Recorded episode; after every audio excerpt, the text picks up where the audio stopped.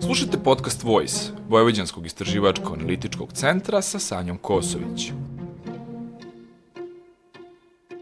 Ona će sa autorima i autorkama pričati kako izgleda put od pronalaska do samog objavljivanja priče.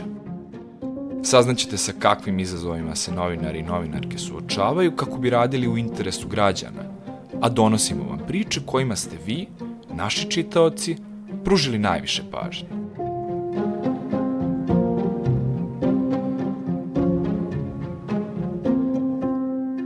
Novoj epizodi razgovaramo sa istraživačkim novinarom i dokumentaristom Darkom Šperom o tekstu koji je obeležio april mesec portalu Voice pod naslovom Ekstremizam u Srbiji normalizovan, statistika ga ne vidi, a pravosuđe ignoriše. Naš današnji sagovornik kao novinar radi od 1995. godine, a značajne godine svog iskustva posvetuje upravo temi desnog ekstremizma u Srbiji, što se može videti kroz njegove brojne tekstove, ali i dokumentarne filmove. Poslednje dve godine su, osim pandemije, obeležili i brojni incidenti od strane desnih ekstremističkih grupa. Učestali napadi na prostorije žena u crnom, inicijative mladih za ljudska prava, kao i napadi na Pride Info Center u Beogradu, samo su neki od primera. Ipak, po svemu sudeći, naše pravosuđe to nije videlo na takav način. Po pisanju Darka Špera, rezultat rada pravosudnih organa u 2020. godini su svega 11 optužnica za krivična dela sa elementima ekstremizma. Upravo o ovoj temi danas razgovaram sa mojim gostom Darkom Šperom. Zdravo Darko. Ćao, ćao Sanja. Za početak da te pitam, zašto si odlučio baš da se baviš ovom temom? Da li postoji nešto što te možda lično podstaklo? Ovom temom sam počeo da se bavim intenzivno 2005. godine nakon upada neonacističke grupe na Filozofski fakultet gde je obeležavan dan uh, kristalna noć, da tako kažem, svetski dan protiv fašizma. Opasnost da se u ime života, u ime zdravlja, u ime ljubavi prema vlastitoj naciji, ta vlastita nacija zapravo davi. Ta se nacija onemogućava u vlastitoj život. Vidjeli smo gomilu primjera na evropskom i ne samo evropskom iskustvu kako taj mehanizam funkcioniše. Iz... Vi ste komunjare smrdljive, znate li? Vi, vi, što trujete ovo omladinu što nema pojma o životu. Vi, vi uopšte ne razumijete o čemu ja govorim. Možda Eka Čukanovića tamo što torčimo. Šta znači patriotizam je bolest? Ti hlebac jedan! Da snimaš se normalno. Čukelo jedna! Koga snimaš se normalno? Ko ti rekao snimaš? Tom prilikom ovaj, došlo je do izazivanja nacionalne rasne verske mržnje i netrpeljivosti od strane pripadnika nacionalnog stroja, zbog kojih im je kasnije i suđeno. Ja sam taj slučaj pratio kako u toj istražnoj fazi, tako i samo suđenje i jednostavno zainteresovao sam se za temu, pa eto već 17 godina negde s vremena na vreme, ne mogu da kažem u kontinuitetu, pravi, pra, pratim upravo tu tematiku. Kasnije ćemo malo više o tome pričati, ali sada da te pitam, e, šta su po tvom mišljenju u poslednje dve godine neki događaji koji su možda po tebi obeležili, a da je u pitanju desni ekstremizam? Pa oni su najsvežiji u stvari, dešavaju nam se skoro svakodnevno, s vremena na vreme, a to su ti skupovi podrške Rusiji koji se dešavaju u Beogradu, koji organizuju isključivo krajnje desničarske, ekstremističke i ove neonacističke grupe. Zašto to kažem? Ne kažem bez razloga, zato što na ulici imamo prilike da vidimo i ljude čije su organizacije ustavom zabranjen, dakle Ustavni sud je zabranio i delovanje obraza i delovanje nacionalnog stroja. Za ove druge ne znam, nisam ih video na tim skupovima, ali Mladen Obradović iz obraza, ne mogu da kažem da je organizator tih skupova, ali je bio vrlo istaknut ovaj, predstavnik i ja mislim da je na, na svim dosadašnjim skupovima i govorio. Baš što se tiče tih skupova, ali i drugih incidenata koje sam pominjala i u ovom uvodu, kakav je po tvojom mišljenju odnos vlasti prema, sve, prema svemu tome. Odnos vlasti je vrlo mlak, oni te stvari posmatraju kao sloboda okupljanja. E, ne može se dozvoliti sloboda okupljanja grupacijama i pojedincima koji podrivaju rad drugih organizacija. Ti si pomenula žene u crnom, nedavno sam razgovarao sa Stašom Zajović i ona, oni tačno imaju statistiku koliko je koja desničarska organizacija izvršila napada na njihove aktiviste tokom njihovih prijavljenih skupova. Dakle,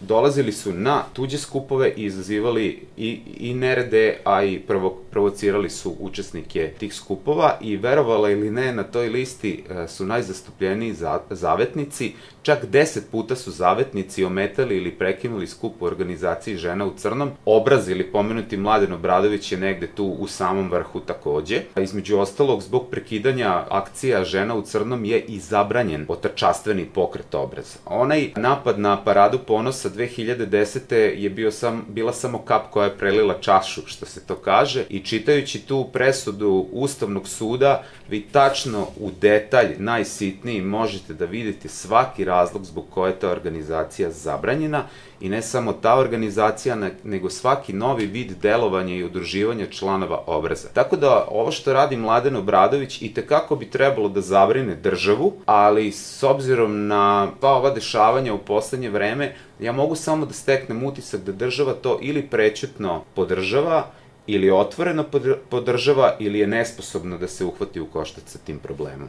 Baš što se tiče obraza, zanimljivo je to što oni jesu zabranjeni, ali sad postoji i malte ne isto se zove, samo malo drugačije. Svetosavski pokret obraz, da, da, a bio da, da. je neko društvo, neko kulturno srpsko-ruskog prijateljstva ili tako, pa su u APR-u promenili i delatnost i naziv organizacije, zastupnik je i ovamo i u novom obliku bio Mladen Obradović. Dakle, ja stvarno ne znam ovaj, u nekim ozbiljnijim državama takvi ljudi zaista ne bi ni mogli da se pojave na ulici, odnosno čim bi nešto progovorili ili uradili, momentalno bi bili prevedeni od strane policije i kasnije procesuirani ili ne procesuirani uz, u zavisnosti od njihove procene situacije. Republičko javno tužilaštvo koje je pokrenulo inicijativu za zabranu nacionalnog stroja i obraza, to je detaljno obrazložila i ovaj, nakon toga su donete te odluke Ustavnog suda i sad to novo udruživanje, dakle, nije na Republičkom javnom tužilaštvu da prati pomno njihov rad i da onda daje nalog policiji šta da radi, već i policija sama koja takođe posjeduje te odluke Ustavnog suda može da proceni na licu mesta da li se tu pojavljuju pojedinci ili članovi te organizacije ili neke druge i preventivno, da kažem, deluje. Ali ovi skupovi, ne znam prvo da li su uopšte prijavljeni, i ovaj, ne znam iz kog razloga država dozvoljava da se, da se oni dešavaju. Ali pre neki dan je stigla jedna od tih mnogih presuda, da su to privatne krivične prijave, gde se njihovo pojavljivanje, gde podržavaju agresiju Rusije na Ukrajinu, tumače kao sloboda javnog govora, udruživanja i tako dalje, što je po meni skandalozno, ali koliko sam video ljudi koji su podneli te krivične prijeve, žaliće se na, na, na odluke tužilaštva. Da, evo sad baš u tekstu si naveo i da je u 2020. godini od 28 krivičnih prijava za izazivanje rasne, nacionalne i verske mržnje, do sudskog epiloga je došlo samo 8, a presude su mahom bile blage. Kako dođe do toga? Ko tu odlučuje da li je nešto blagi ili ozbiljni prekršaj? I gde je tu granica? Pa evo, ja sam pratio dva sudska postupka. U jednom su manje više svi osuđeni na uslovne ili na zatvorske kazne po pitanju tog upada na filozofski fakultet. Dve godine kasnije manje više ista grupacija je napala učesnike antifašističke šetnje kod doma vojske i sad drugačiji su sudski epilozi, ali u tom prvom stepenu kada su oni osuđeni to su uglavnom bile minimalne zatvorske kazne. Tako je Goran Davidović dobio oko godinu dana, jedan drugi koji je salutirao nacistički dobio mislim šest meseci, to je bilo ispod minimuma, ali je tumačeno to zato što je mlađi punoletnik. Onda je mnogima preinačeno u nasilničko ponašanje jer nisu prepoznali elemente ekstremizma. Na ovom drugom skupu u Domu vojske takođe ovaj, se postupak vodio protiv Davidovića i još jedne osobe, Nedeljka Pešića, mislim, zbog izazivanje rasne verske mržnje i netrpeljivosti. Oni jesu bili osuđeni, ali je zbog načela ne bi sin idem, odnosno ne dva put za isto, jer su jeli, protiv njih vođeni prekršeni postupak, oni, u stvari je ta optužnica poništena. Ne može da se kaže da nisu osuđeni, nego jednostavno sama optužnica je poništena, samim tim taj postupak sudski kao da nije ni vođen. To su neka načela koja su umeđu vremenu stupila na snagu, Evropski sud za ljudska prava ih je ovaj, ustrojio. Može se to tako tumačiti, ali vidite, ako vi imate uh, prekršaj iz 2007. godine i čekate više od 10 godina da donesete presudu i onda se pozovete na neko načelo koje je umeđu vremenu stupilo na snagu, dolazimo do toga da je sudstvo, to jest pravosuđe i tužilaštvo vrlo bilo neefikasno u svom delovanju, jer evo samo jedan banalan primer, prateći to suđenje kada sam slušao neke svedoke tog događaja, bilo oni na strani oštećenih ili okrivljenih, bilo žandarma koji su obezbiđivali skup, u 90% slučajeva oni su rekli kad je to bilo, mi se više detalja ni ne sećamo. Posebno ti žandarmi koji su na neki način i službena lica, pa kaže, znate vi koliko mi takvih skupova tokom godine obezbeđujemo, kako mi sad da se sećamo šta je bilo 2007 2007. Ovaj, u Novom Sadu, većina njih i nije iz Novog Sada, možda je prvi put došlo da, da obavlja svoju dužnost u Novi Sad. Ti se u ovom tekstu baviš najviše 2020. godinom. Kako je sad, opet van svega ovog što si sada pričao, da li postoji možda neka promena odnosa vlast prema ekstremizmu kao kroz godine, pošto se i sam baviš ovom temom jako da. dugo? Pa kako da ne, o, o, ovakve vrste ponašanja ljudi koji su došli na neprijavljene skupove i izazivali incidente, ranije su bili sudski gonjeni. Nakon toga imali smo svega nekoliko situacija, poput onog suđenja za rehabilitaciju Milana Nedića, kada su se okupljali i ekstremisti i levičari i dolazilo i do određenih sukoba. Koliko znam, protiv nekih vinovnika se i dalje vode ili istražni ili sudski postupci, ali to je jedan od događaja. Tih događaja ima vrlo često. Imate ove narodne patrole koje rade šta rade po ulicama. Imate opet ove ekstremističke grupe koje obeležavaju neke razne stvari, organizuju anti-NATO skupove. Imate situaciju gde imate festival kosovskih i srpskih umetnika, gde upravo zavetnici su više puta dolazili i, i, i pokušavali da prekinu organizaciju festivala Merdita Dobar dan, jednom prilikom je i naš film tu bio prikazivan, do duše dan pre prikazivanja našeg filma Albanki su naše sestre su nastali incidenti. Mi smo isti taj film promovisali u Nišu, odnosno nismo ga promovisali jer su nam ekstremisti prekinuli projekciju filma. Imali smo u Novom Sadu projekciju Kosovo na zdravlje gezuara naše kolege Aleksandra Reljića, gde su nam zavetnici upali u prostorije NDNV-a i prekinuli projekciju filma i nakon toga je bilo neprijatnosti jer su sve vreme bili u Zmajovinoj ulici, uzvikivali razne parole, vređali, provocirali, ovaj, da kažem, goste projekcije i nas iz NDNV-a i to su sve situacije koje se dešavaju, a ni policija, ni tužilaštvo nisu reagovali. I onda smo došli u situaciju da negde 2000-te to postane normalan način ponašanja, da svakom kome padne na pamet dođe na nečiji skup, provocira i prekida ga. I to se, eto, u ovom slučaju svelo na slobodu okupljanja i slobodu izražavanja. Tako da malo, malo, malo su se tu stvari pobrkale. Evo, poslednje ono što je mene potpuno ovaj, izbacilo iz takta jeste ovaj, ovaj nastup navijača Zvezde na Waterpolo utakmici, a, gde su praktično izazivali a, tu versku i, i, i nacionalnu mržnju prema treneru Waterpolo kluba Crvena zvezda, koji je Hrvat, i ništa se nije dogodilo. Ali, apsolutno se ništa nije dogodilo, tužilaštvo je donelo manje više istu odluku kao i u slučaju već pomenutih ovih skupova za podršku ruskoj agresiji. Tako da, u, kada se to sve uzme u obzir, ja ne smem da upotrebim reč da tužilaštvo nije spremno, nego da tužilaštvo nema volju da radi stvari koje je do negde 2010. redovno radila. Podsjetit ću na tu 2010. kada su obrazovci pozivali ljude da prekinu paradu ponosa i kad je u Beogradu nastao opšti lom i haos gde je polupano pola grada, šteta se merila milionima i milionima evra i nakon toga odlazak dela navijača iz Srbije na utakmicu u Đenovi između Italije i, i, i Srbije koja je prekinuta, registrovala službenim rezultatom kada je dvadesetak tih ljudi i uhapšeno prilikom povratka u Srbiju, a neki su ležali u zatvoru i u, i u Italiji, Dakle, imali smo tu situaciju do, do 2010. kad je još država kako tako htela da se bori, bori protiv ekstremizma. Tada je ministar policije bio Ivica Dačić i bio u koaliciji sa demokratskom strankom. Ja mislim 2012. kad je taj isti Ivica Dačić ušao u, u priču sa naprednjacima i postao premijer da smo mi u stvari završili svaku borbu sa ekstremizmom, jer na kraju krajeva delovi tih ekstremističkih grupa danas se nalaze upravo u strankama na vlasti, a i oni učestvuju u nekim političkim partijama koje su neke čak postale parlamentarne, poput Zavetnika, a neki nisu poput ovog, ne znam ni kako se zove stranka Miše Vacića, Srpska desnica ili kako već. Dakle, to samo ovaj, dovodi do zaključka da neko ko ne bi zaslužio da se uopšte pojavljuje ni na ulici, ni da organizuje neke javne skupove, danas ga imamo zastupljenog u parlamentu, a onda nam predsednik novoizabrani stari Aleksandar Vučić samo poruči kako ga brine porast ekstremne desnice koja je ušla u parlament. Ono što je važno za zemlju to je da je uticaj ukrajinske krize bio ogroman na rezultate izbora, da se Srbija dramatično pomerila u desno, da sam sam kriv što uvek govorim o lošim stvarima, onda ću govoriti o onim najlepšim što liste SNS-a, zahvaljujući odgovornom ponašanju i čuvanju interesa naše zemlje, a ne dodvoravajući se narodu, imaju i nešto manje glasova, ali ćemo o tome voditi računa prilikom formiranja vlade i nećemo je formirati sa onima koji su na neodgovoran način zloupotrebljavali navijačko opredeljenje našeg naroda, a da u stvari ništa zemlje nikada nisu doneli.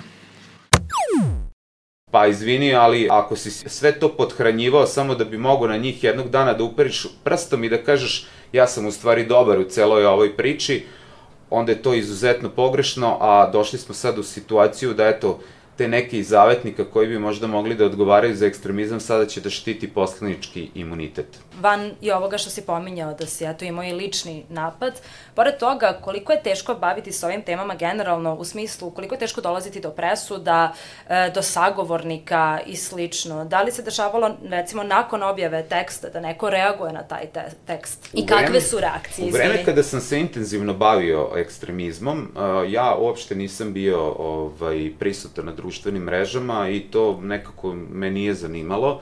E, znamo da su te pretnje uglavnom preko društvenih mreža, tako da nisam imao tu, da kažem, povratnu reakciju na te sve neke filmove koje sam radio i tekstove koje sam pisao. Naravno, tu i tamo bilo je komentara, ali prvo nisam neku posebnu pažnju obraćao na njih, a i nisam primetio, jer vidite, ti što dolaze sa desnog spektra, oni su uglavnom organizovani ili preko nekih tajnih grupa ili su organizovani preko nekih društvenih mreža koje su ili polu zatvorene ili zatvorene, a ja kao neki istraživač njihovog rada nisam uopšte imao želju da se niti infiltriram, niti upoznajem sa njima, jer ja sa, oni nisu, nisu druga strana, znači neko ko je zabranjen i neko čije delovanje ekstremističko uopšte ne treba da bude tema uh, teksta, dakle njima se ne pridaje značaj u tom smislu, nego se ukazuje na ono šta rade protiv ustavnog poredka neke zemlje. Tako da sagovornika, hvala Bogu, ima mnogo i na tom, da kažem, levom spektru, a i stručnjaka koje se bave tom temom, a i da ti kažem, tužilaštvo i, i pravosudni organi nisu baš zatvoreni po tom pitanju, nisu ni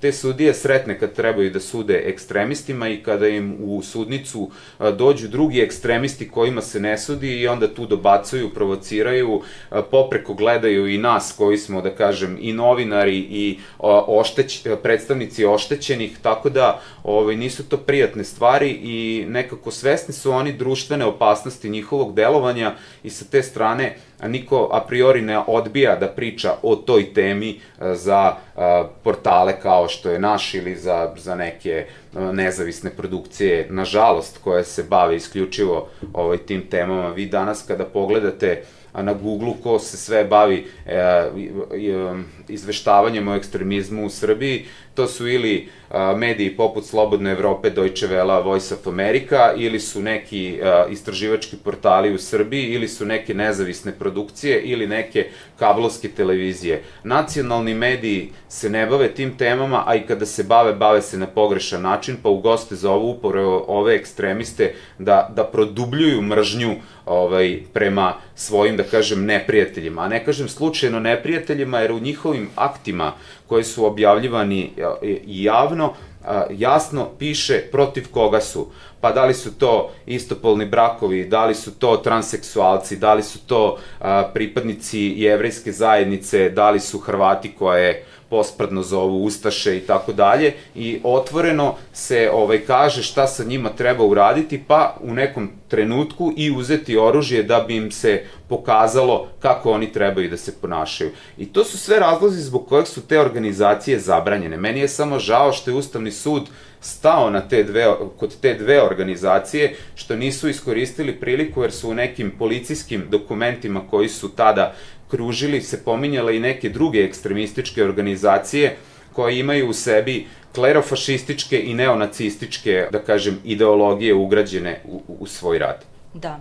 E sad pominjao si malo i medije, e, vole bih da uporediš kako je bilo ranije. Sad pominjao si danas kako je, znači danas se time bavi Radio Sloboda Evropa i slično, a ko, kako je bilo pre ovoga? Pa mogu da ti kažem, uh, za moj primer, ja sam uh, u periodu od neke 2011. 12. do, do 16 snimio nekih šest filmova za radio televiziju Vojvodine, gde, sam, gde i dalje radim, ali sam tada bio u prilici da, da, da radim takve formate. Ja sam paralelno radeći te dokumentarce pisao i tekstove za Voice, bukvalno seriju tekstova sam objavio, i to je prepoznala i Evropska komisija i neku novinarsku nagradu sam dobio za tu seriju istraživanja i ja sam i tom prilikom rekao da mi je posebno drago što sam osim pi, što sam pisao za Voice imao priliku i da ekranizujem te svoje priče, ako ništa drugo zbog zdrave publike i zbog neke dokumentaristike kako bi ljudi kroz neko vreme mogli da vide šta se u ovoj zemlji dešavalo u određenom periodu vremena i kak, kakvi su epilozi svih tih ovaj, i sudskih postupaka i uopšte ponašanja države prema takvim pojavama. Neonacizam i krajnje desni ekstremizam i taj klerofašizam, to trenutno u Srbiji buja na sve strane. I toga si i ti svesna, radila si ove priče o izbeglicama sa Bliskog istoka, kako njih tretiraju određene grupe u, u Srbiji i ti neki četnici narodne i kako patrole. se već zovu narodne patrole. To je ogoljeni fašizam na ulicama Srbije, gde publika, ne publika, nego policija, ne samo da ne reaguje, nego videli smo ovaj poslednji snimak kada su narodne patrole se drznule da uhapse nekog ja pretpostavljam da je u pitanju izbeglica, da ga drže na pločniku, da su ga vezali, ne, nisu vezali, a da pored njih šeta policajac kojim se vidi uniforma i ne reaguje na to što su ga oni protivzakonito uhapsili, jer naravno nije njihov posao da se time bave, zna se ko to treba da radi.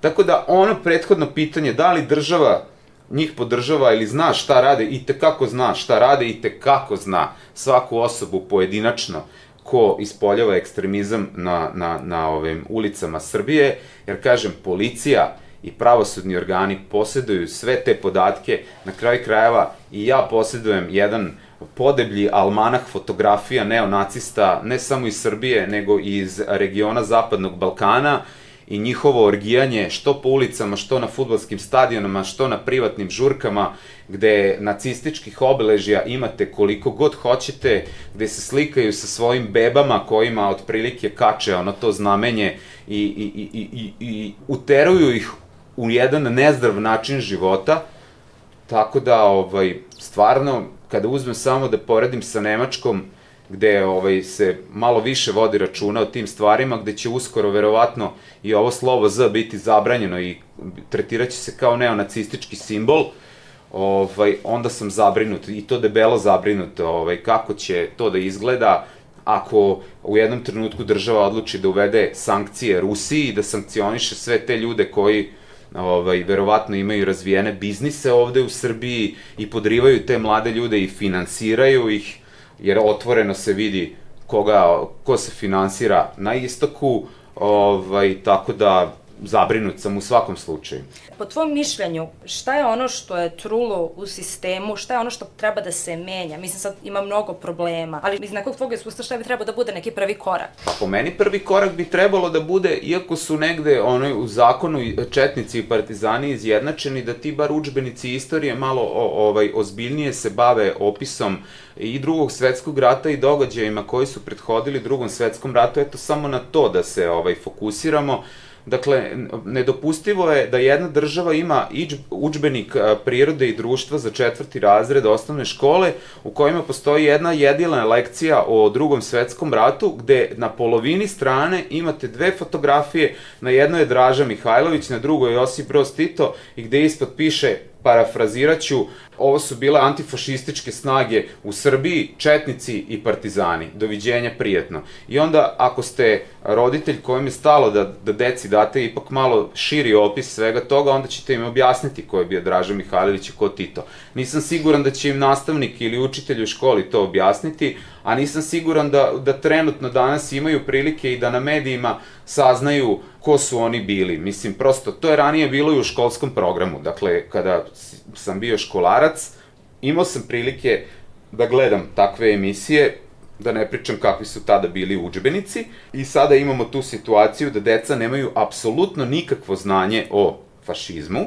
Njih to manje više i smara, imaju neke drug, neka druga interesovanja, ali onda ti dete recimo dođe mrtvo ladno ti kaže je li istina da će neko da baci atomsku bombu na Ukrajinu. Dakle, To je fašizam. Mi njih ne učimo i ne pripremamo za takve scenarije. Mislim da trebaju da znaju. Ko što mi znamo da kad je neposredna ratna opasnost tražimo najbliže sklonište, da nam ne bi pala bomba na glavu, tako i oni trebaju da znaju, da imaju osnovna znanja ako ništa drugo, bar o tome ko su dobri, a ko su loši ljudi naš, ubili u našoj istoriji. Za kraj bih da te pitam, samim tim evo što i zavetnici ulaze u parlament i na osnovu svega ovog što smo sada govorili, šta je ono što tebe najviše brine za budućnost? Posebno recimo sada i za mlađe generacije i za, za sve nas koji nismo na toj strani, da kažem, političkog spektra. Mene najviše brine što ljudi E, svesni ljudi, slobodoumni ljudi u Srbiji nemaju vremena da se ozbiljno pozabave ovim pitanjima, ako ništa drugo, bar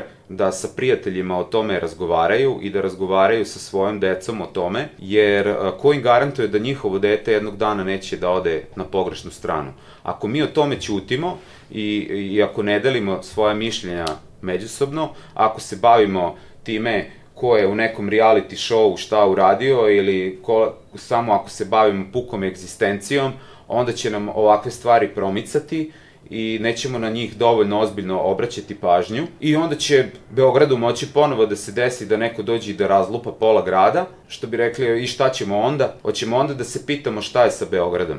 Te 2010. godine Beograd je bio kao, što kažu, kao Bejrut. To je bila organizovana horda ekstremista koja je povredila više od 20 policajaca, dakle ono je bio ono, na, ono je bilo na ivici građanskog rata.